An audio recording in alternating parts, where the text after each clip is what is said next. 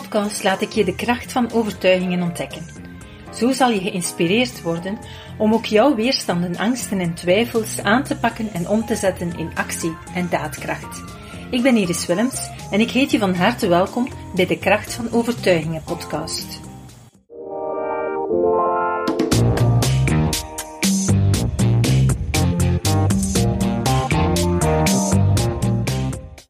In deze eerste podcastaflevering gaan we even bekijken wat overtuigingen nu eigenlijk zijn. Zijn het goede of slechte overtuigingen en wanneer spreken we daarover? En eigenlijk, wat zijn overtuigingen? Um, dat zijn, is eigenlijk het beeld van hoe jij de wereld ziet. Het is jouw waarheid. Maar eigenlijk bestaat de waarheid bestaat niet. Het is altijd onze eigen waarheid, die van mij, die van jou. Um, het is een soort van denkkader, de manier waarop jij denkt over de dingen. En van waar dat komt, dat, um, dat kan een stuk uit jouw, uh, een groot deel komt eigenlijk uit jouw opvoeding. Jouw opvoeding, dat is niet alleen je ouders, maar dat zijn ook uh, belangrijke mensen rondom jou. En als jij bijvoorbeeld opgegroeid bent in een gezin waar heel veel ruzie was, dan zal voor jou het wereldbeeld misschien omvatten dat het normaal is dat er ruzie wordt gemaakt in een relatie. En soms hoor je mensen ook wel eens zeggen, er wordt overal wel eens met potten gegooid. En eigenlijk is dat nogthans niet waar, want er zijn heel veel gezinnen waar er nooit gegooid wordt met potten of pannen. Dus eigenlijk heeft dat heel vaak ook te maken met wat is de persoon zijn wereldbeeld. Als die dat gewoon is um, dat er af en toe eens iets naar het hoofd wordt geslingerd, letterlijk dan, dan, um, ja, dan is dat zijn of haar wereldbeeld. Of bijvoorbeeld als je opgegroeid bent um, in een gezin waar, waar de vader of de moeder, om het even wie, elkaar hebben bedrogen. En je weet dat als kind en daar is uh, een scheiding van gekomen of wat dan ook dan kan het zijn dat jouw wereldbeeld omvat dat een man of een vrouw niet te vertrouwen is. En dat bijvoorbeeld bij relaties dat er altijd wel een van beide overspel pleegt. Dus dat is het wereldbeeld dat je gekregen hebt, is ontstaan door de dingen die je in je leven zelf hebt meegemaakt, gehoord, um, bij anderen gezien, of zelf aan de lijve hebt ondervonden. En hoe vroeger een gebeurtenis plaatsvindt in je leven, hoe gemakkelijker of hoe sterker die als overtuiging in jouw uh, systeem wordt ingeprent. En hoe komt dat? Wel heel eenvoudig, als je heel klein bent, uh, en zeker voor het zevende levensjaar, dan heb je nog geen rationeel denken. Dus je kan zelf nog niet gaan nadenken over gebeurtenissen, over of dat dat klopt, of dat dat logisch is, of uh, waarom dingen gebeuren. Je kan dat helemaal niet vatten. Dus eigenlijk alles wat je hoort, wordt ook letterlijk voor waarheid aangenomen. Um, dus alle uitspraken die je ouders, grootouders, leerkrachten, uh, om het even wie, de belangrijke mensen in jouw leven uh, tegen jou hebben verteld of tegen elkaar hebben verteld en die jij hebt gehoord, dat is voor jou waarheid. Jij kon toen geen onderscheid maken tussen iemand die iemand anders uitscheldt omdat hij kwaad is of overstrest is of gedronken heeft. Dat kan je als kind niet onderscheiden van iets wat wel gemeend is en wat wel werkelijk is. En dus voor een kind komt alles meteen binnen. Die kan dat niet filteren en die voelt dat ook allemaal aan als echt en als waar. En nog meer natuurlijk als het gaat over de ouders, grootouders, belangrijke mensen die dicht bij hem staan, want beneden de zeven jaar is voor de meeste kinderen zijn hun ouders hun God. Voor hen, die betekenen alles. En dat zijn ook de enigen die de waarheid spreken in hun ogen. Die, dat zijn degenen die alles weten en waar ze ook alles van aannemen. En daardoor hebben we natuurlijk heel veel overtuigingen in ons systeem zitten die dateren vanuit onze kindertijd. Zaken die ons ingeprent zijn, niet altijd met bewuste bedoeling, heel vaak zelfs heel onbewust uitspraken die ouders hebben gedaan of mensen rondom ons. Zoals bijvoorbeeld, uh, je hebt hier niets te zeggen. Hè. Als je kleine kinderen aan tafel hebt en ze beginnen zich te moeien, hè, dan wordt er nogal dikwijls dus gezegd van, jij hebt niets te zeggen. Dat zijn zaken die in jouw onderbewustzijn worden opgenomen.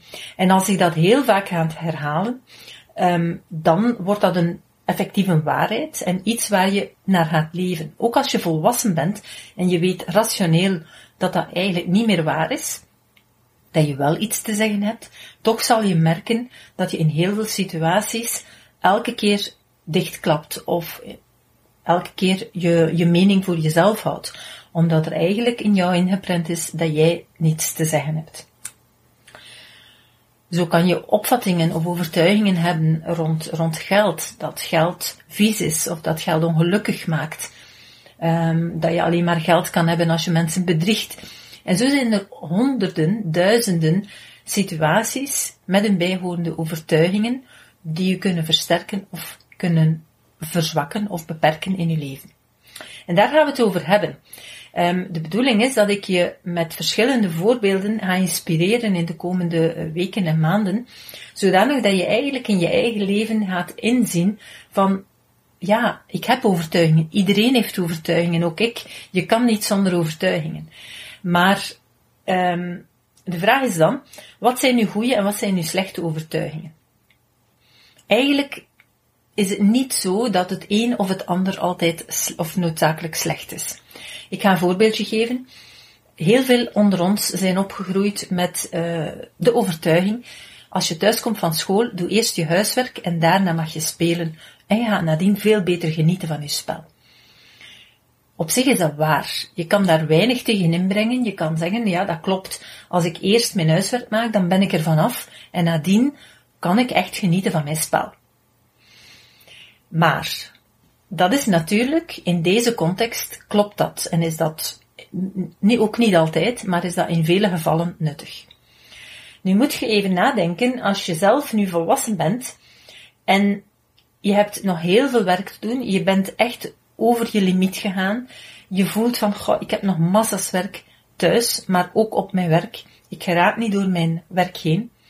En je bent geprogrammeerd geconditioneerd dat je eerst je werk moet afwerken en daarna pas mag spelen, zijnde als volwassene ontspannen. Dan kom je nooit nog tot ontspanning toe. En dat is waar heel veel mensen tegenaan lopen. We zijn zo geprogrammeerd dat we altijd eerst alles willen afwerken en daarna pas het gevoel gaan hebben van nu kan ik genieten van mijn spel, hè, was het vroeger, van mijn ontspanning is het als volwassene. En daar komen we niet meer toe. En zelfs als je op dat moment zou beseffen van, eigenlijk is het nu niet waar. Eigenlijk is het nu beter dat ik eerst ontspan, want daarna ga ik weer veel beter werken. Ook al besef je dat, dan ga je merken dat je heel vaak met een innerlijk conflict zit, met een schuldgevoel. Je zet je neer en je denkt, ach, ik ga eerst een boekje lezen, of ik ga gewoon even een bad nemen, of um, een beetje tv kijken, of om het even wat. En terwijl je dat begint te doen, zit er zo'n klein stemmetje op je schouder die zegt, je zou beter verder afwerken. Gaat u veel beter voelen als je dat werk eerst afwerkt, dan pas ga je kunnen ontspannen. Wat gaan de mensen wel van u zeggen? Jij zit hier nu. Zou je niet beter wat werken? En die stemmetjes, die vormen jouw innerlijk conflict. Die vormen, ik noem dat jouw innerlijke oorlog. En die innerlijke oorlog, die is heel veel, ja, die is heel energievretend die gaat ervoor zorgen dat je dag na dag, week na week en maand na maand alsmaar meer uitgeput geraakt. En dat is ook de reden waarom dat heel veel mensen in een burn-out belanden. Um, en men zegt dan wel van het is door bijvoorbeeld te veel werk. Maar eigenlijk is dat niet waar. Um, natuurlijk is er wel een mogelijke oorzaak van te veel werk. Maar de echte oorzaak zijn onze overtuigingen. Dat is dat we geprogrammeerd zijn dat het eerst af moet en dat ik pas daarna mag ontspannen. En ook al neem je een helft van dat, weg, dat werk weg, dat probleem blijft bestaan. Omdat het schuldgevoel van binnen blijft zitten. Bij het minste dat je te veel werk hebt, is dat stemmetje daar die zegt, werk dat eerst af. En daardoor blijf je altijd weer over je limieten gaan. Niet alleen op het werk, maar ook thuis. Dus vandaar dat het heel belangrijk is om te gaan zoeken naar onze achterliggende overtuigingen en daar te leren aan werken. Want zolang dat die overtuigingen blijven en dat die eenzijdige overtuiging er blijft van ik moet eerst mijn werk afwerken, zolang als dat die overheerst, ga je nooit rust vinden. En ga je ook altijd opnieuw weer hervallen. En even een periode nemen waar dat wat rustiger aangaat, um, om te recupereren bijvoorbeeld van een, een uitputtingsfase of van een burn-out, maar binnen de kortste keren ben je terug weer naar uh, bergaf. En dat komt omdat je eigenlijk je achterliggende overtuigingen niet hebt aangepakt. Daarom vind ik het zo belangrijk dat ik er ook deze podcast wil van maken om jullie te inspireren. Um, want overtuigingen zitten massaal achter heel veel dingen. Achter elk gedrag dat je doet of niet doet, zit er een overtuiging. En ja, ik vroeg daarnet al, is het nu positieve of een negatieve overtuiging? Eigenlijk is het zo dat het, we hebben nood aan complementaire overtuigingen. Bijvoorbeeld die overtuiging van werk eerst je werk af en ga daarna ontspannen. Um, dat is op zich geen slechte overtuiging. Want in sommige momenten, in sommige contexten is het goed dat je dat kan. Je moet ook even kunnen doorzetten. Dus dat is goed. Even eerst iets afwerken en dan ontspannen is in heel veel situaties nuttig en waardevol. Maar niet altijd. Want op andere momenten, als je te veel hebt gewerkt, als je in overdaad bent gegaan en je voelt dat er geen energie meer is, dat je in de uitputting begint te komen, dan is het belangrijk dat je kan schakelen naar een andere overtuiging, die dan is, als ik eerst ontspan, dan ga ik daarna veel efficiënter werken. Dus het is een en-en verhaal. Je hebt beide overtuigingen nodig, zodanig dat je naar gelang de context de juiste overtuiging kan inschakelen. Nu, wat gebeurt er? Die oude overtuiging, die is van kleins af ingeprent, dus die zit zeer goed in je brein ingeschakeld. Die nieuwe gedachte, hè, um, ik zou beter eerst ontspannen en daarna ga ik efficiënter werken, dat is een gedachte. Maar dat is geen overtuiging. Die gedachte, die heb je aangenomen omdat je op basis van wat mensen je zeggen, of wat dat er nu in je dagelijks leven of in de media wordt gezegd, dat je weet van, ja inderdaad, ik voel dat het te veel wordt en ik zou het moeten doen. Maar het blijft in je rationele verstand zitten. Het zit nog niet in je onderbewustzijn. En wat gebeurt er als een overtuiging nog niet in je onderbewustzijn ingeprent is? Dan blijft het enkel bij weten en wordt het nooit doen. En zeker en vast wanneer je onder stress staat, wanneer er tijdsdruk is of wanneer je bepaalde zorgen of problemen hebt, dan kom je in stress. En je stressmechanisme, dat gaat zorgen voor overleving. En in overleving ga je minder nadenken. Dan ga je eigenlijk in je automatische piloot. En je automatische piloot die gaat ervoor zorgen dat je sneller gaat handelen en minder gaat nadenken. Want anders ga je nooit overleven. Dus je gaat eerst doen en dan denken. Dat zien we vaak, dat we al iets gedaan hebben en nadien denken, oh, ik had het anders moeten doen. Dus wat gebeurt er op het moment dat je in die, dat stressmechanisme komt? Dus bij elke deadline, bij elk conflict, bij elke mentale zorg die je zelf maakt, bij elke negatieve gedachte die je zelf hebt, activeer je dat stressmechanisme en kom je in je automatische piloot. En je automatische piloot, dat zijn jouw overtuigingen die ingeprent zijn. En dus op zo'n moment kan je niet meer de invloed van je denken laten overheersen. Dus je gaat merken dat elke keer, excuseer, gaat merken dat elke keer als het uh, druk is, of als je het moeilijk hebt, dat je net dan niet doet wat je zou moeten doen. Dus net dan, als je nood hebt aan ontspanning, dan slaag je er niet in om ontspanning in te plannen. Want je automatisme zegt eerst je werk afwerken. Op het moment dat het al kalm is, dan ga je wel kunnen zeggen, ah, nu ga ik even ontspannen. Maar dan ben je niet in je stressmechanisme en dan kan je rationele brein gaan overnemen en kan je eigenlijk gaan puur op inzicht of op kennis andere dingen gaan doen. En vandaar, het is uh, natuurlijk nuttig wat we gaan doen in de podcast, doordat je inzicht gaat krijgen. Maar als je merkt dat, um, dat je niet in slaagt om die nieuwe overtuigingen in een nieuw automatisme of een nieuwe handeling uh, spontaan om te zetten, dan wil dat zeggen dat die echt wel nog niet ingeprent is in jouw onderbewustzijn, dat je er ook nog niet echt 100% in gelooft. Um, en dan is het heel belangrijk dat je aan de slag gaat om uh, dat te leren herconditioneren. Nu, um, ik ga er straks nog even op terugkomen, want um, wie uh, zich daar wil in verdiepen, die nodig ik graag uit om zich te registreren op prana.be schuine streep overtuigingen. En als je je daar eh, registreert, dan zal ik je uitnodigen op een live webinar waar ik eh, dieper kan ingaan op ehm, de mechanismen en de zaken die nodig zijn om je brein te gaan herconditioneren en te herprogrammeren. Dus doe dat zeker. Ga naar prana.be, schuine streep overtuigingen. Vul daar je naam en je e-mailadres in en dan krijg je een uitnodiging om gratis naar dat eh, webinar te luisteren. Dus we gaan even verder. Um, onze overtuigingen ontstaan enerzijds vanuit onze opvoeding, vanuit de dingen die we horen van onze ouders. Dat zijn de sterkste overtuigingen, omdat die um, van kleins af ingeprent zijn heel vaak. Um, we stellen ons op dat moment helemaal geen vragen.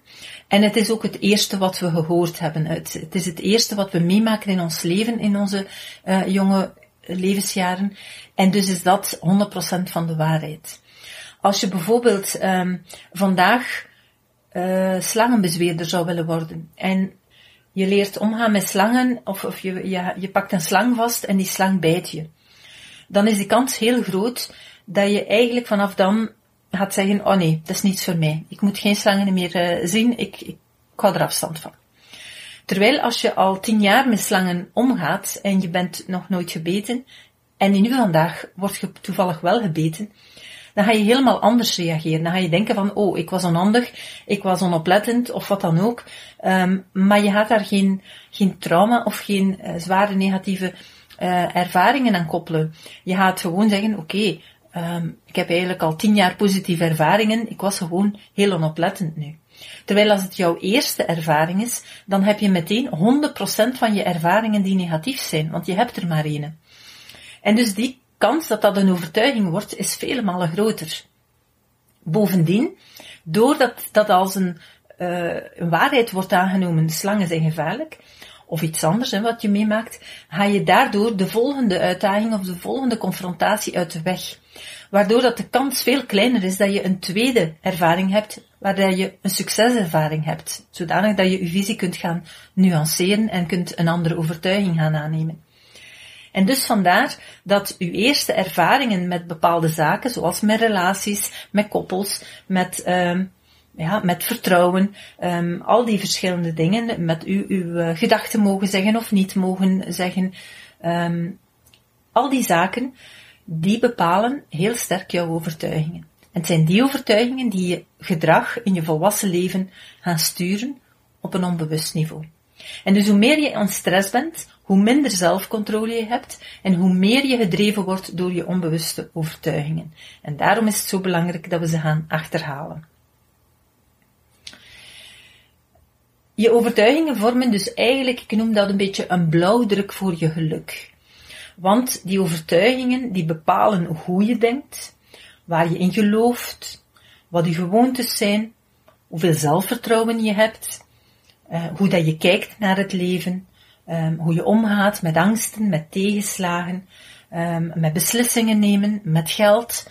Al die zaken worden bepaald door jouw overtuigingen. En geluk kan dus eigenlijk alleen maar groeien in de mate dat je zelf groeit door aan je overtuigingen te werken. Dus als je merkt in je leven dat bepaalde dingen niet lopen zoals je wil, dat je dingen wil doen, maar het altijd weer opnieuw uitstelt, um, of gewoon altijd wel een excuus verzint, die volgens jou wel een geldig en een logisch excuus is, um, wel, het is echt wel de moeite om te achterhalen wat jouw mogelijke overtuigingen zijn. Want um, heel vaak, we zijn ook heel, heel erg sterk in het vinden van excuses.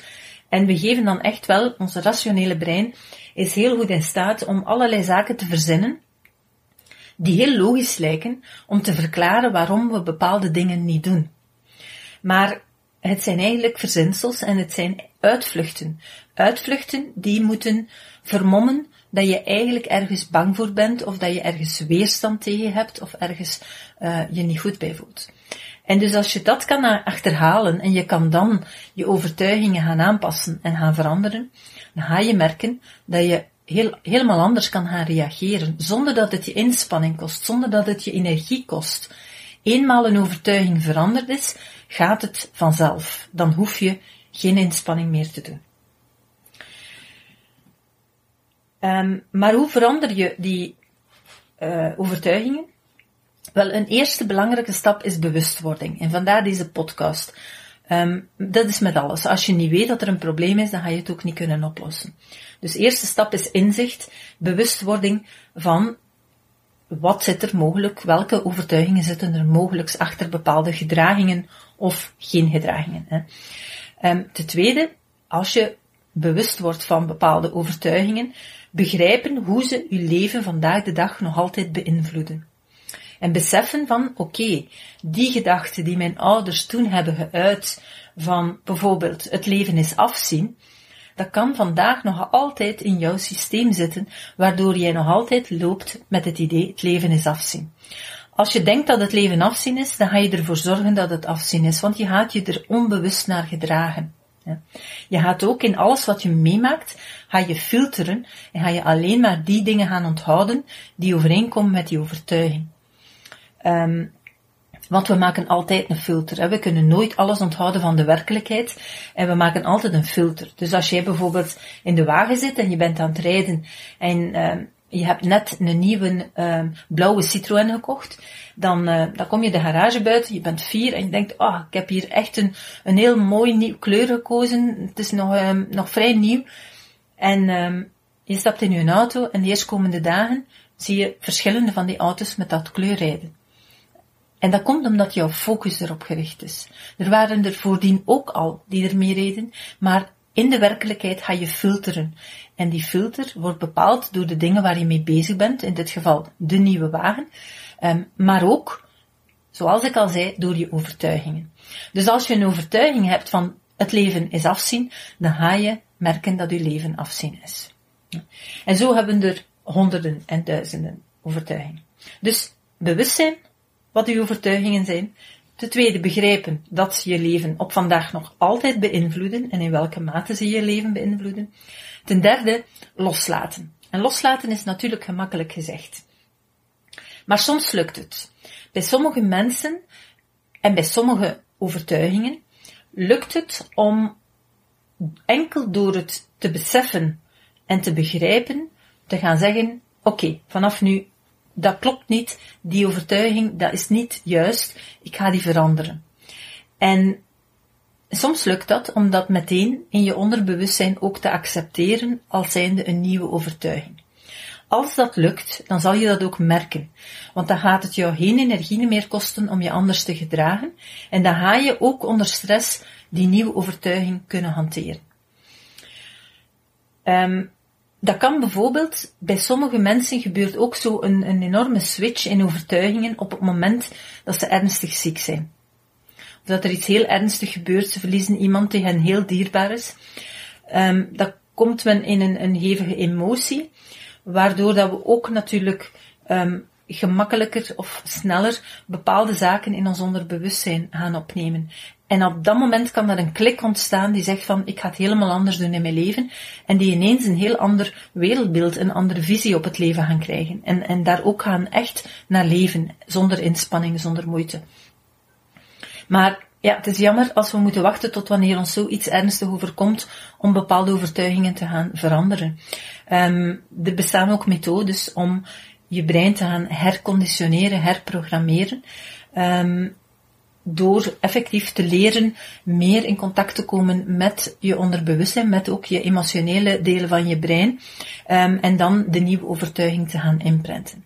Dus zoals ik al zei, als je daar interesse in hebt, registreer je op prana.be schuine streep overtuigingen en dan nodig ik je uit op een webinar dat ik daarover geef, uh, over overtuigingen en hoe je, uh, wat je moet doen om overtuigingen te herprogrammeren. Um, dus vanaf nu, de volgende afleveringen, de volgende podcast, is het mijn bedoeling om je te inspireren met verschillende domeinen, verschillende situaties, verschillende gebeurtenissen, waarin overtuigingen een rol spelen in ons dagelijks leven, zowel in werk als in privé. Heb je zelf een situatie waarin je, waarover je het met mij wil hebben, um, en die we in de podcast zouden kunnen gebruiken, dan um, zou ik dat heel tof vinden natuurlijk. Stuur me dan een mailtje naar iris.prana.be. En dan neem ik met jou contact op. Schrijf er ook even je gsm-nummer bij, um, of eh, de, de, moment waarop ik je best kan contacteren. Dan maken we even een afspraak. En dan bekijken we hoe we het uh, verder gaan aanpakken en wat, uh, wat jou en mij bevalt om, om het te gaan inhoudelijk vormgeven. Maar het zou wel heel leuk zijn om ook um, af en toe eens met jullie in dialoog te kunnen gaan om een podcast te kunnen doen met iemand die een situatie uh, vertelt van iets wat, uh, wat moeilijk lukt of niet lukt, of waar je elke keer opnieuw in hervalt of tegenaan loopt, en waar we dan samen even gaan uh, bekijken van welke mogelijke overtuigingen daar allemaal achter zitten. Dus um, aarzel niet, neem je initiatief, stuur mij een mailtje, vertel kort waar het over gaat. Ik bel je dan op en dan bekijken we verder hoe we het aanpakken. Ik hoop dat je van deze podcast of deze eerste aflevering alvast hebt genoten. Dat ik je toch al uh, wat heb kunnen inspireren om bij jezelf te gaan zoeken naar je overtuigingen. Het is een, uh, een heel boeiende materie, vind ik persoonlijk. Um, ik zal je ook vertellen over overtuigingen uh, in mijn eigen leven en zaken die ik zelf, waar ik zelf ook aan gewerkt heb. dus het is een afwisseling van zaken die ik van andere mensen um, in begeleidingen heb gehoord en, en gemerkt. En van zaken uit mijn eigen leven en van jullie cases die je mij toestuurt. Dus ik kijk er naar uit om jullie volgende week terug te mogen verwelkomen in deze podcast. Dag! Super tof dat je hebt geluisterd naar de Prana Mental Excellence podcast. Ik hoop dat je het waardevol vond en dat je er inzichten uit hebt kunnen halen voor jezelf en voor je eigen business. Vond je het een waardevolle podcast, dan zouden we het heel erg waarderen als je dit zou willen delen. Enerzijds door dit te delen via je eigen Instagram of LinkedIn. Maar wat we nog meer zouden waarderen, als je tijd en moeite zou willen nemen om ons een review achter te laten. Werk je met een Apple-telefoon, dan kan je dat doen binnen je eigen podcast-app door daar een review te geven. Geef ons een x aantal sterren met daarbij een korte motivatie wat je van onze podcast vindt. En werk je met een Android-telefoon, dan zie je dat de meeste apps geen review-mogelijkheid hebben. Wat we dan heel erg zouden waarderen, is als je op Google Prana Mental Excellence zou willen intypen en vervolgens via de Google Review-sectie iets zou willen vertellen over Prana, wat je van ons vindt en wat je aan onze podcast hebt gehad. Alvast heel erg bedankt. Ik hoop dat je er volgende week weer bij bent bij onze volgende aflevering van de Kracht van Overtuigingen podcast.